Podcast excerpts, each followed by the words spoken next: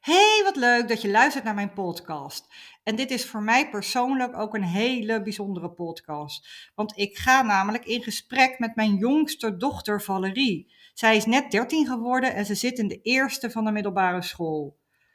Superleuk, want afgelopen zomer waren wij op uh, vakantie in Cambodja en toen zaten we op zo'n snorkeleilandje een paar dagen. Nou, het gezin vindt dat heel leuk. Ik vind het op zich ook wel leuk, want ik hou wel van snorkelen. Maar goed, er is ook altijd niet veel meer te doen dan snorkelen. Uh, en ik hou eigenlijk ook altijd wel van heel veel actieve dingen doen. Maar het goede was wel dat ik heel veel tijd had om na te denken over wat ik nou eigenlijk wilde met mijn nieuwe bedrijf. En een van de dingen die ik toen bedacht was: Goh, ik wil eigenlijk wel een podcast gaan opnemen. En toen zei jij, Valerie: Oh, dat moet je echt doen.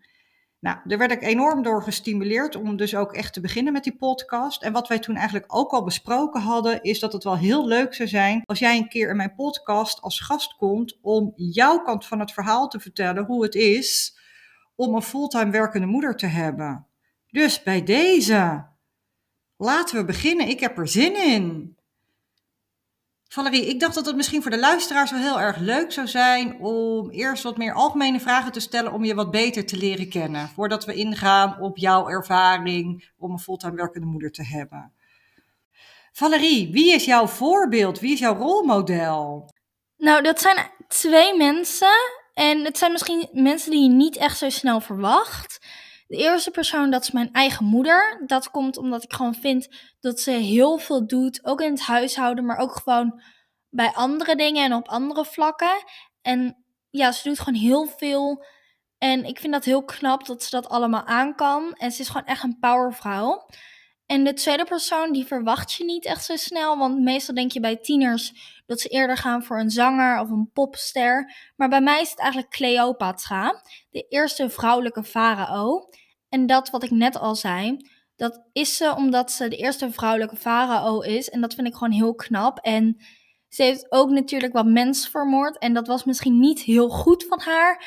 Maar ze deed dat wel voor haar volk. En ik vind het gewoon heel cool en heel, heel vet, zeg maar, dat ze dat deed. Gewoon voor haar volk. En zij is ook gewoon echt een powervrouw. En daar hou ik wel van. En ja, je moet nooit opgeven. En dat, dat deed zij ook niet. Wat mooi verwoord. Heel goed. hey, en wat is jouw favoriete quote?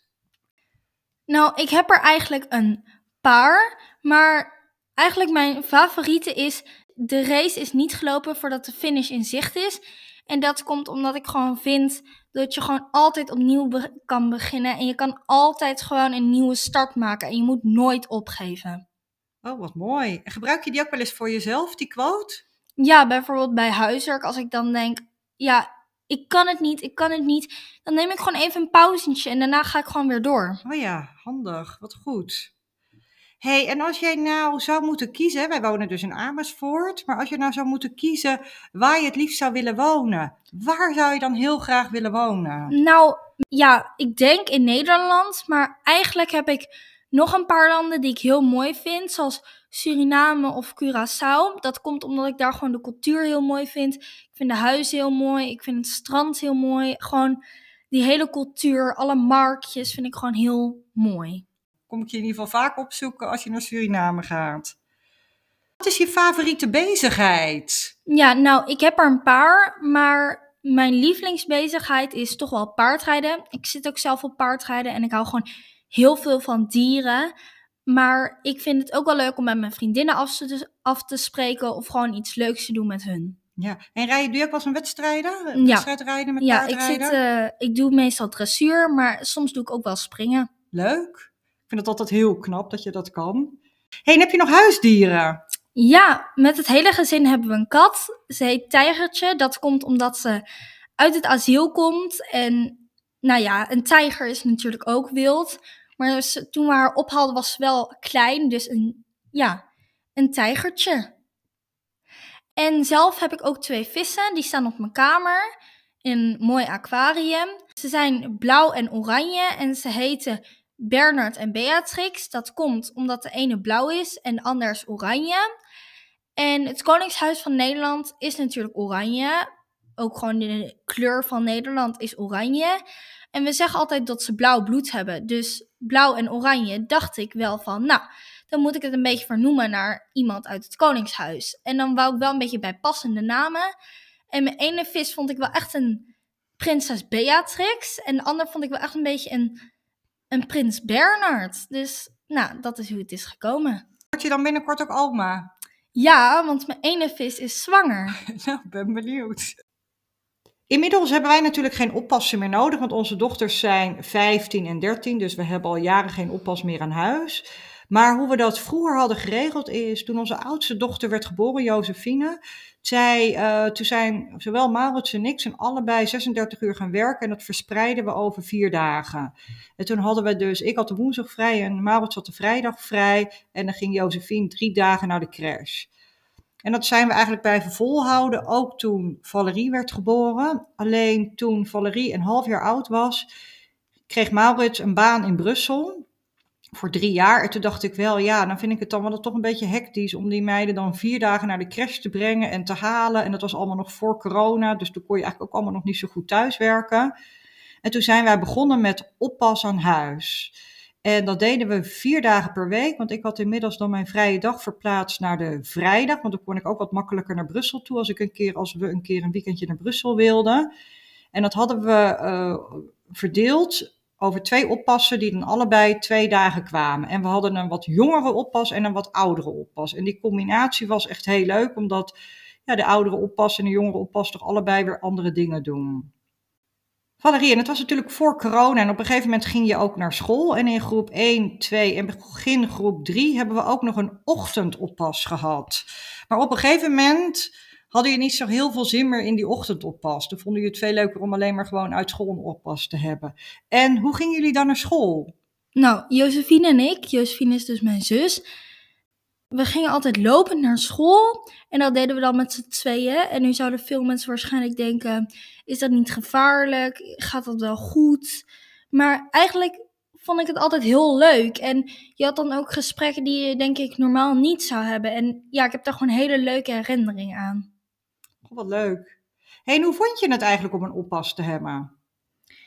Ja, nou eigenlijk vond ik het helemaal niet zo erg als misschien veel mensen denken. Want ik heb hele leuke dingen gedaan met ze. En ze waren echt een soort van vertrouwingspersoon. En natuurlijk had ik dat dan ook met mijn moeder.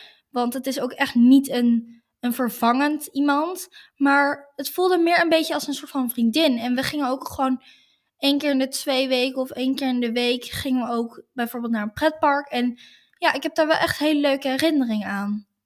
Superleuk. Hey, en hadden wij samen, had jij wel het gevoel dat we samen, of ook met het hele gezin, wel voldoende quality time hadden? Ja, eigenlijk heel erg. Want we hadden natuurlijk wel gewoon de avonden, maar we hadden ook de weekenden en de vakanties. Dus juist daardoor is de band wel sterker geworden. Ja, hey, en wat vond je het allerleukste aan het hebben van een oppas? Niet echt per se één ding of zo. Ik vond het gewoon heel leuk dat we gewoon heel veel leuke dingen deden. En waren er ook dingen waarvan je dacht van nou, ik baal dat ik een oppas heb en misschien andere kinderen niet? Nou, eigenlijk vond ik het eigenlijk helemaal gewoon niet erg. Want ja, wat ik net al zei, we deden heel veel leuke dingen. En ik ben er heel sterk van geworden, zeg maar, als persoon. En ik, heb veel, ik ben veel onafhankelijker en ik kan gewoon veel meer dingen zelf. En ja, ik ben heel blij dat we een oppas hadden. Ja. En had je wel het idee dat ik er was op de momenten dat ik er moest zijn? Ja, heel erg. Want stel ik had een school, een schoolding of zo, dan was je er gewoon. En daardoor de band was ook niet weg. Want je was er gewoon op de momenten wanneer ik je nodig had. En heb je het idee dat je een, een minder leuk leven hebt gehad omdat ik werkte fulltime? Nee, eigenlijk niet. Want uh, ik deed ook gewoon hele leuke dingen met oppassen. En dan met jou deed ik het in het weekend en zo. Of na, uh, na het eten. En ja. En heb je me wel gemist? Of ook eigenlijk helemaal niet? Nou, eigenlijk wel. Maar op een gegeven moment wende het ook wel. En dat is dan niet dat ik je niet miste, maar ik merkte gewoon van, oh ja, in de weekend zie ik je, ik zie je na het eten. En daardoor, ik miste je wel, maar ik realiseerde me gewoon dat ik je heel vaak nog zag. Ja. En wat ik ook wel fijn vond, die oppassen, dat was echt een soort van vertrouwenspersoon. En dan wil ik daarmee niet zeggen dat jij dat niet was. Als ik jou bijvoorbeeld miste, dan kon ik gewoon tegen hun zeggen: Ik mis mijn moeder. En dan hadden we gewoon even een gesprekje van: Ze komt na het eten weer thuis. En ja, dat vond ik wel gewoon fijn. Ja. Wat vond jij de absolute positieve kanten van dat ik fulltime werkte? Nou, ik ben er heel zelfstandig door geworden en ik heb er heel veel van ook geleerd. En het was niet de hele tijd handje vasthouden van mama. En ik heb ook gewoon hele leuke dingen gedaan. Als je terugkijkt op de afgelopen jaren, waar denk je dan aan? Want dat is eigenlijk het eerste wat in je naar boven komt. Leuke herinneringen. Ik heb heel veel leuke herinneringen. We zijn bijvoorbeeld samen op vakantie gegaan. We zijn naar pretparken gegaan, naar bioscopen. We hebben gewoon, ik heb gewoon hele leuke dingen meegemaakt en ik ben daar heel dankbaar voor. Ben je achteraf blij dat ik er niet altijd was? Of had je me wel liever vaker gezien en vaker om je heen gehad? Nou, ik ben heel blij dat je er niet altijd was, want ik ben nu heel zelfstandig.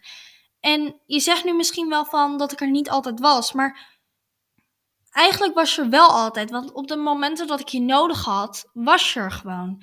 En dat vind ik ook heel fijn. Dus het is ook niet dat je er nooit was. Op de momenten dat ik je nodig had, was je er gewoon voor me. Hey, en is er nog iets wat je de luisteraars wil meegeven? Ja, nou, mijn tip voor jullie is: blijf niet alleen maar bij je kind plakken. En laat je kind ook eens vrij. Want ik ben zo blij dat je er niet altijd was. Want ik ben nu zo zelfstandig. En ja, onze band is nog steeds ontzettend goed. En we hebben heel veel quality time gehad. En ja, ik ben gewoon heel dankbaar dat er gewoon ook oppassen voor mij waren. En ik heb gewoon echt een fantastische jeugd gehad. En ik weet zeker dat er nog fantastische jaren aankomen. En heb jij nog iets tegen de luisteraars te zeggen? Jazeker. Allereerst wil ik nog even aangeven dat het allemaal Valerie's eigen antwoorden zijn geweest. En ook Valerie's eigen gevoelens zijn geweest. Ik wilde namelijk een open en eerlijk dialoog. Dus het hadden ook negatieve dingen mogen zijn. En de antwoorden hebben we niet voorbesproken. Maar goed, ik wist natuurlijk wel dat het ons allemaal heel goed was bevallen.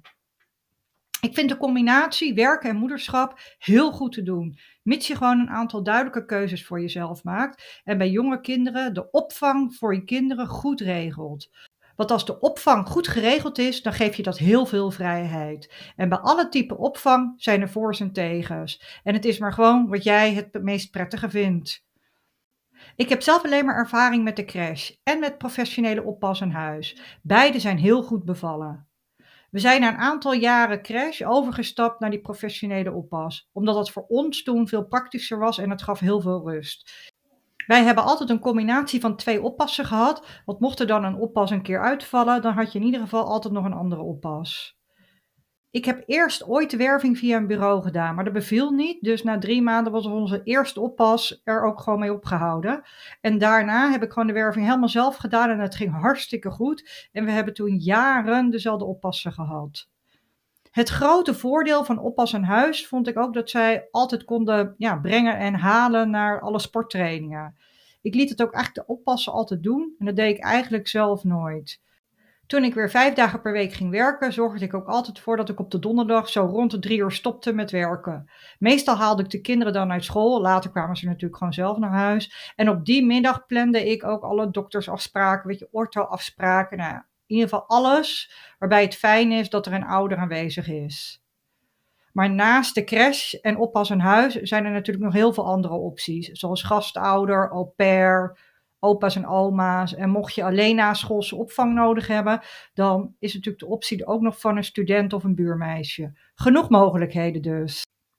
Valerie, dan sluit ik af met een aantal dilemma's voor jou. Leuk. Ja. Ben je een ochtend- of een avondmens? Avondmens. Ski of een verre reis? Ja, jongens, ik ga eerlijk zijn, ik kan hier niet tussen kiezen.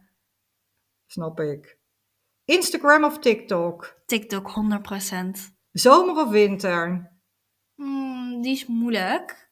Maar tegenwoordig heb je in de winter niet meer echt sneeuw. Dus dan ga ik liever voor de zomer. Zoet of zout? Zoet, 100%. Hangt er vanaf trouwens. Bij popcorn, zout. Goud of zilveren sieraden? Ik denk persoonlijk dat bij mij goud mooier staat. Val, ik vond het heel leuk om met jou samen deze podcast te doen. Ik vond het ook heel leuk om hier mee te doen. Vond jij dit een leuke podcast? Dan zou ik het heel erg leuk vinden als je deze vijf sterren geeft op Spotify of Apple Podcast. En de podcast aanraadt aan je vriendinnen en collega's. En ook leuk als ik feedback van je krijg. Dat kan via LinkedIn, kan ook via Instagram of via mijn site, want daar staan mijn contactgegevens. Tot volgende week!